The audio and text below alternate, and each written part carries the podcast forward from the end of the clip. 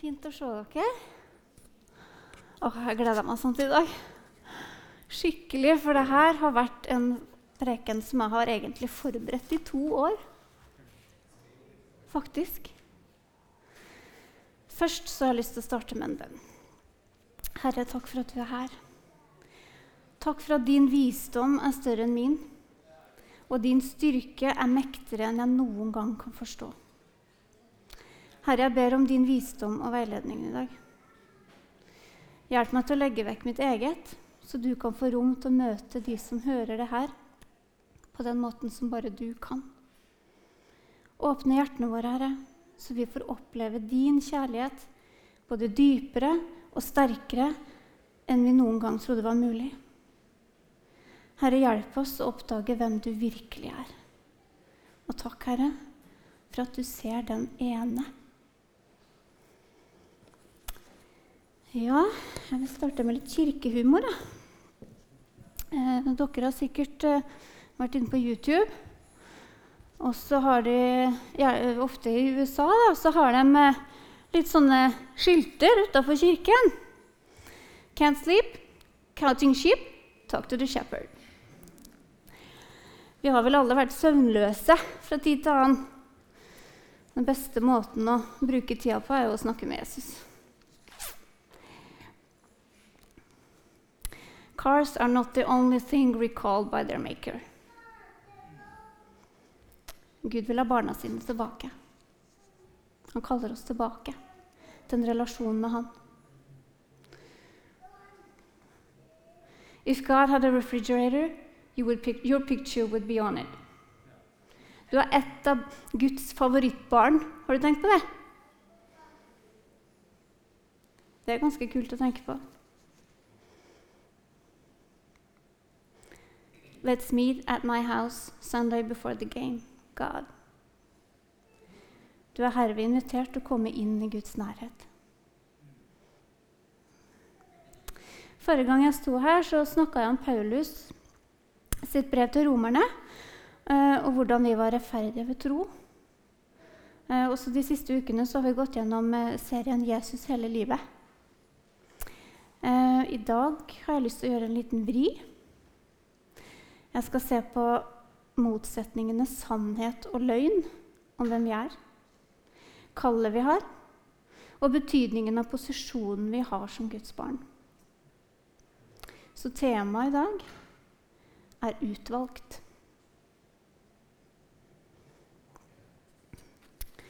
For omtrent to år siden snakka jeg en søndag her i PK om Paulus som brobygger eh, mellom evangeliet og samfunnet som han var en del av. Eh, og da lovte jeg at jeg skulle fortelle del to av vitnesbyrdet som jeg begynte på. I sammenheng med hvordan Jesus gjør store ting der jeg jobber. Jeg jobber i helsevesenet innenfor psykiatri. Og Dette vil jeg komme tilbake til litt seinere, så heng med.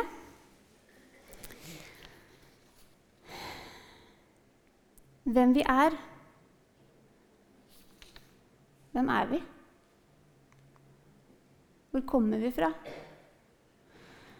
Når vi møter nye folk, så spør vi ofte ja, hva jobber du med. Hva gjør du om dagene?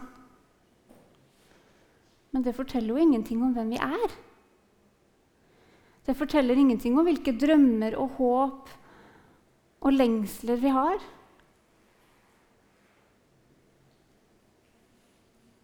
Så hvem er vi?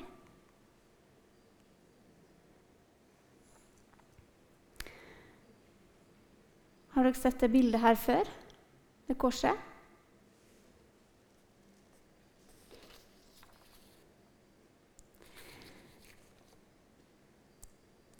Proteinmolekylet i vårt DNA har den formen her.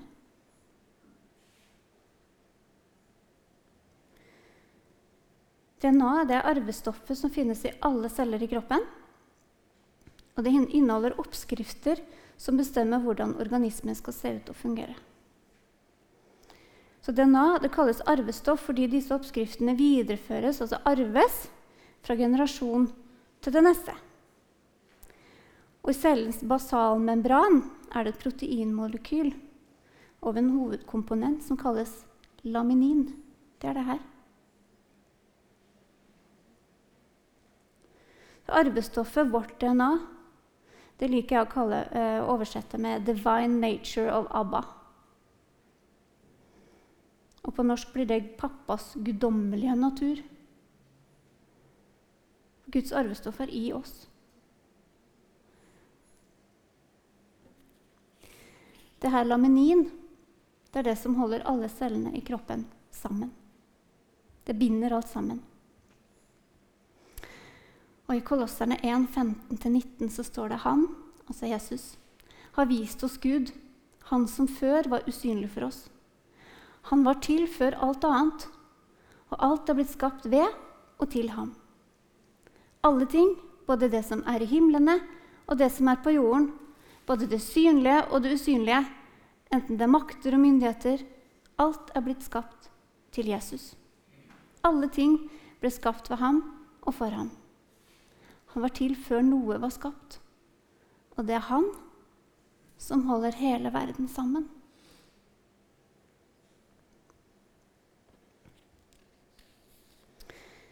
Gud skapte himmelen og jorden, og vi er skapt i Guds bilde. Det kan vi lese om i første Mosebok eh, kapittel 1. Og allerede i vers 2 så leser vi at Guds ånd svever over vannet. Og Johannes starter sin bok i Bibelen sånn. Ordet var begynnelsen. Ordet var ett med Gud, og ordet var Gud. Jesus var i begynnelsen hos Gud. Så det betyr at før alt ble til, så var Gud, Jesus og Den hellige ånd allerede her. Så hvor kommer vi fra? Så kom Jesus til denne verden, men selv om verden var blitt skapt av ham, kjente han ikke den igjen. Han kom til sitt eget folk, men likevel tok de ikke imot ham. Og Videre fra vers 12 står det og Dette er viktig. Dette er kjempeviktig. Men hver og en som tror på hans navn og velger å ta imot ham, dem ga han rett til å bli Guds barn. De vil bli født på ny, ikke med en ny frisk kropp, fysisk kropp, men med sin ånd, som en Guds skapning.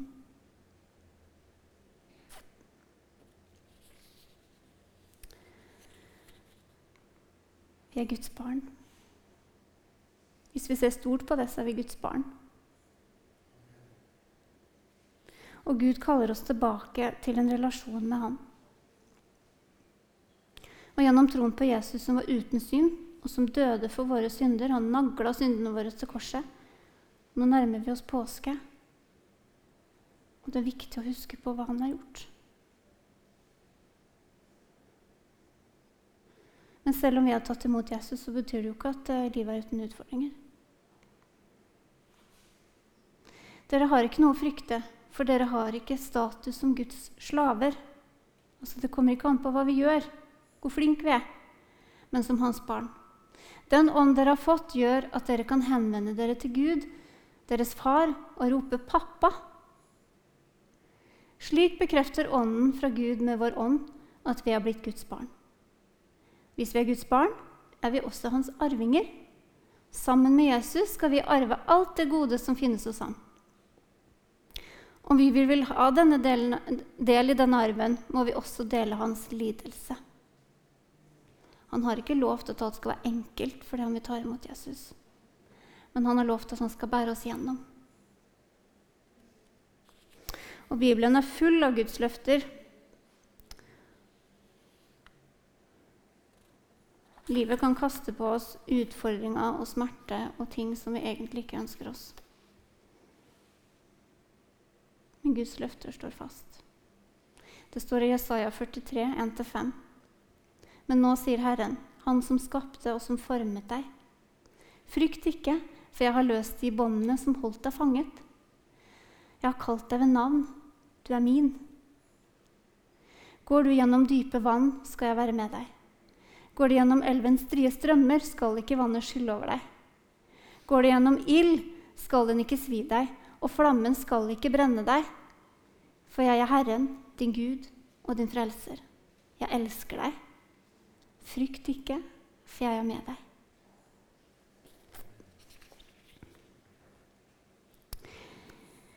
Ehm, da jeg begynte den nye jobben, um, så visste jeg jo egentlig ikke hva jeg gikk til. Uh, jeg visste at jeg ville få bruk for utdannelsen min, uh, men jeg kjente jo ikke ledelsen og ikke strukturen og ikke de ansatte. Så det eneste jeg hadde oversikt over, det var mine verdier. Mitt kristne verdensbilde var det eneste jeg hadde oversikt over. Men jeg visste at jeg fikk den jobben her av Gud. Og da jeg takka ja til jobben, så fikk jeg en visshet i hjertet. Jeg tror det var Jesus som sa det til meg. Dette er misjonsmark. Retningslinjene er tydelige på denne arbeidsplassen her. Ehm, og jeg kan ikke dele troen min fritt. Og det er jo fordi at det er en sekulær hvis jeg kan kalle det, arbeidsplass. Um, jeg brukte lang tid på å bli kjent med kulturen og menneskene på den nye arbeidsplassen min. I begynnelsen så sa jeg heller ikke noe om hvem jeg er. Jeg proklamerte heller ikke at jeg tror på Jesus. Men jeg lot Jesus få gjøre det på sin måte mens jeg jobba i det skjulte. En slags undercover misjonær. Etter hvert som det åndelige trykket begynte å øke, så begynte jeg å stille spørsmål om hensikten med å være i den jobben her. For jeg hadde glemt å lese med hjertet det Jesus starter med å si til disiplene og oss i misjonsbefalingen i Matteus evangelium kapittel 28. For I vers 8, 18 så står det meg, altså Jesus, er gitt all makt i himmel og på jord. Jesus har all makt i himmel og på jord. Ikke litt makt, og så må vi gjøre resten så godt vi kan. Det er hans makt, ikke vår egen, som er selve utgangspunktet og grunnlaget for oppdraget vårt. Jeg opplevde nærmest konstant å være i kamp for troen min. Kanskje flere her som har kjent på det når man jobber på plasser som ikke er kristne. Hvor ikke det er akseptert å være kristen. Og jeg så og følte det åndelige trykket fra fienden daglig. Å stå i dette spennet med å være i verden, men ikke av verden, daglige kampen det var å være annerledes og ikke passe inn. Kjempe for å være en motvekt til det som ble representert. Det var virkelig åndelig utmattende. Jeg var så sliten. Så jeg kom fram til eh, tre alternative løsninger på dette problemet.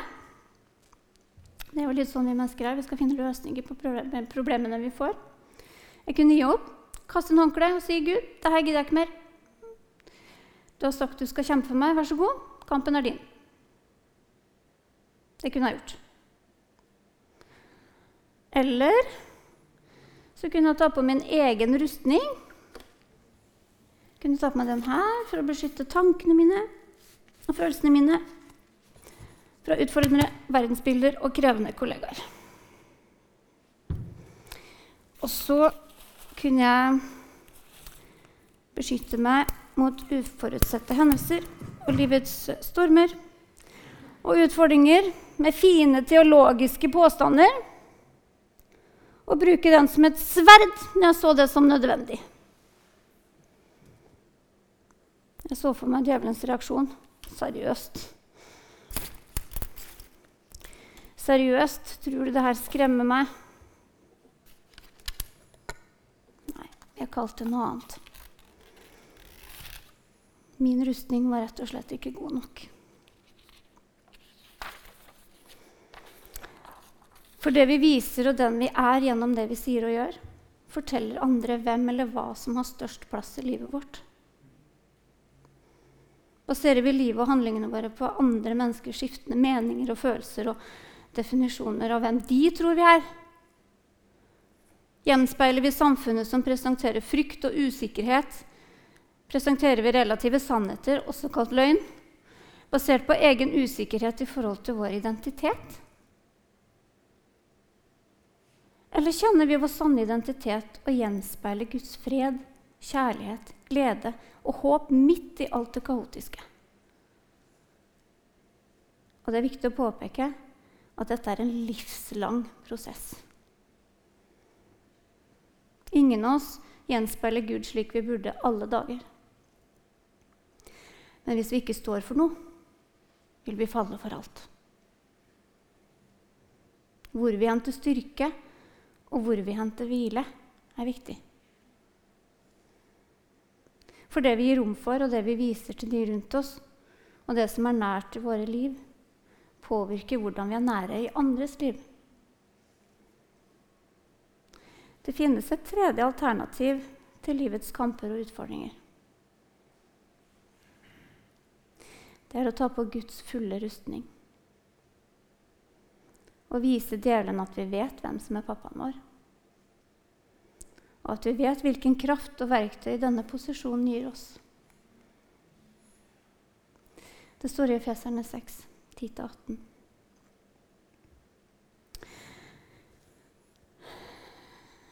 En kveld etter jobb da jeg hadde lagt meg, så tømte jeg ut all fortvilelsen og spørsmålene jeg hadde til Jesus.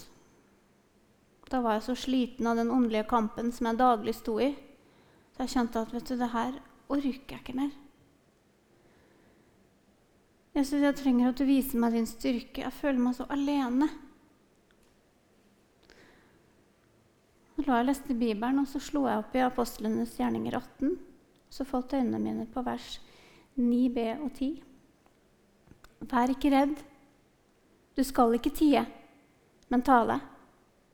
Jeg er med deg, og ingen skal røre deg eller gjøre deg noe vondt. For jeg har mange i denne byen som er av mitt folk. Gud viste meg at han hadde en plan med det hele. Så ukene gikk, og en dag da jeg var alene med en kollega, jeg var fortsatt undercover, spurte vedkommende du, er du kristen? Ja. Det ble begynnelsen på mange fine og interessante samtaler med flere kollegaer.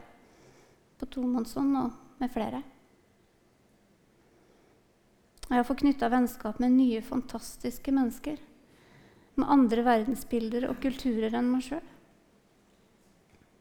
Vi skal ikke være redd for andre kulturer og verdensbilder Vi skal være lys. Og de menneskene har hjulpet meg til å reflektere over min egen teologi og relasjon med Jesus. Og jeg er ikke alene. Det er mange der som er av hans folk. Når vi står i sånne utfordringer, og når troen vår blir prøvd, og vi får lyse igjen hvor vi har identiteten vår, så er det viktig å tenke på at det er ikke krevende kollegaer eller slitsomme sjefer eller kranglete venner som egentlig er problemet.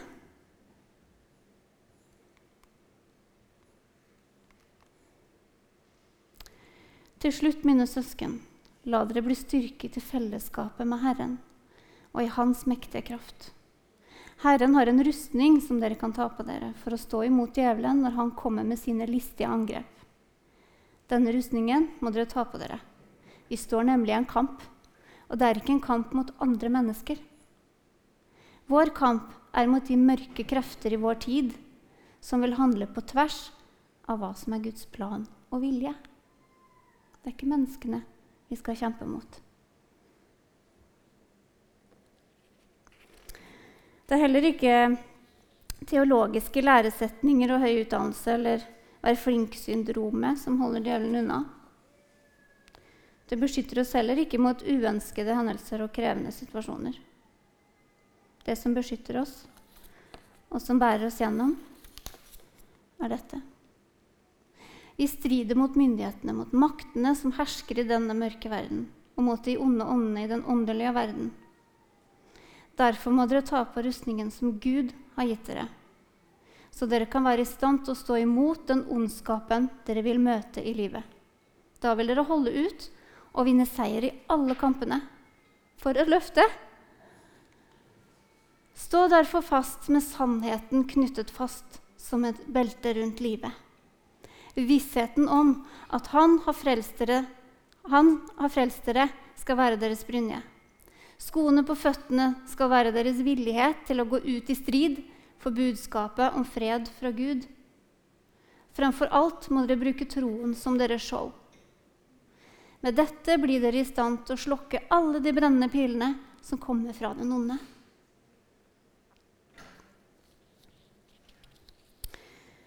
Nå er jeg ikke undercover misjonær lenger på jobben.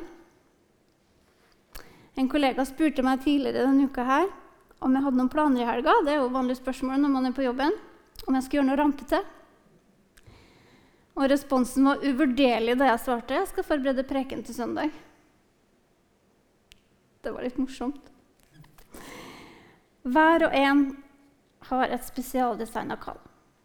Et oppdrag som Gud har planlagt at vi skal være en del av for at han skal få gi av sin kjærlighet. Ikke bare til oss, men gjennom oss.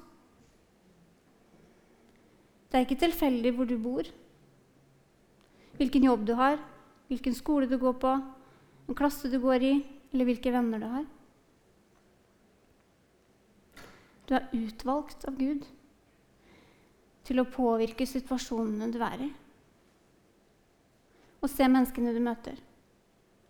Du har en unik personlighet, interesser og livserfaring som Gud vil bruke til å møte andre mennesker. Hjerte til hjerte. Vi trenger ikke å være perfekte. Vi må bare huske å lese misjonsbefalingen med rett trykk. Det er Jesus som har gitt all makt i himmelen på jord. Vi behøver ikke å kjempe kampen alene. Og Jesus sier i Johannes 15, 15-17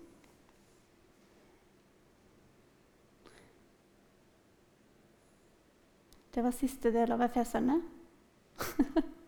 Vissheten om deres frelse er deres hjelm, ikke sykkelhjelm, som jeg tok på i sted. Og åndens sverd er Guds ord.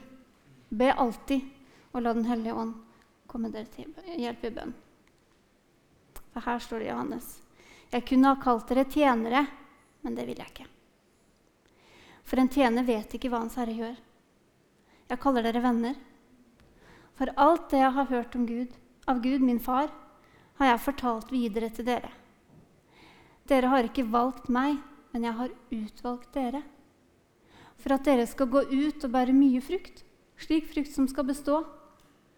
Da kan dere be til Gud i mitt navn, og dere skal få det dere ber om.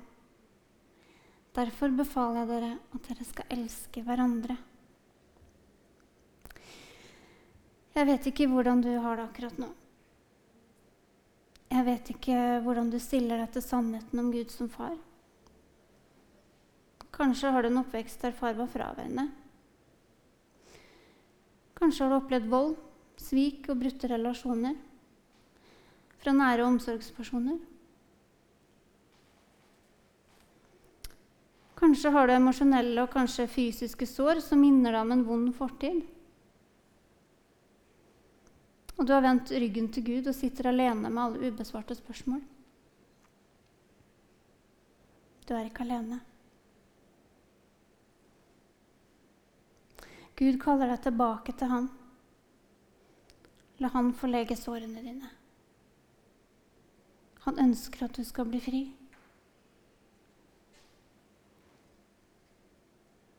Snakk med hyrden. Jesus vil vise deg hvem pappa Gud virkelig er. Han står med åpne armer. Han vil være pappaen din. Og du er ikke en feil. Du er planlagt, ønsket og utvalgt og høyt elsket. Han er så stolt av deg. Han ønsker å være en del av livet ditt, og alt du trenger å gjøre, er å invitere han inn.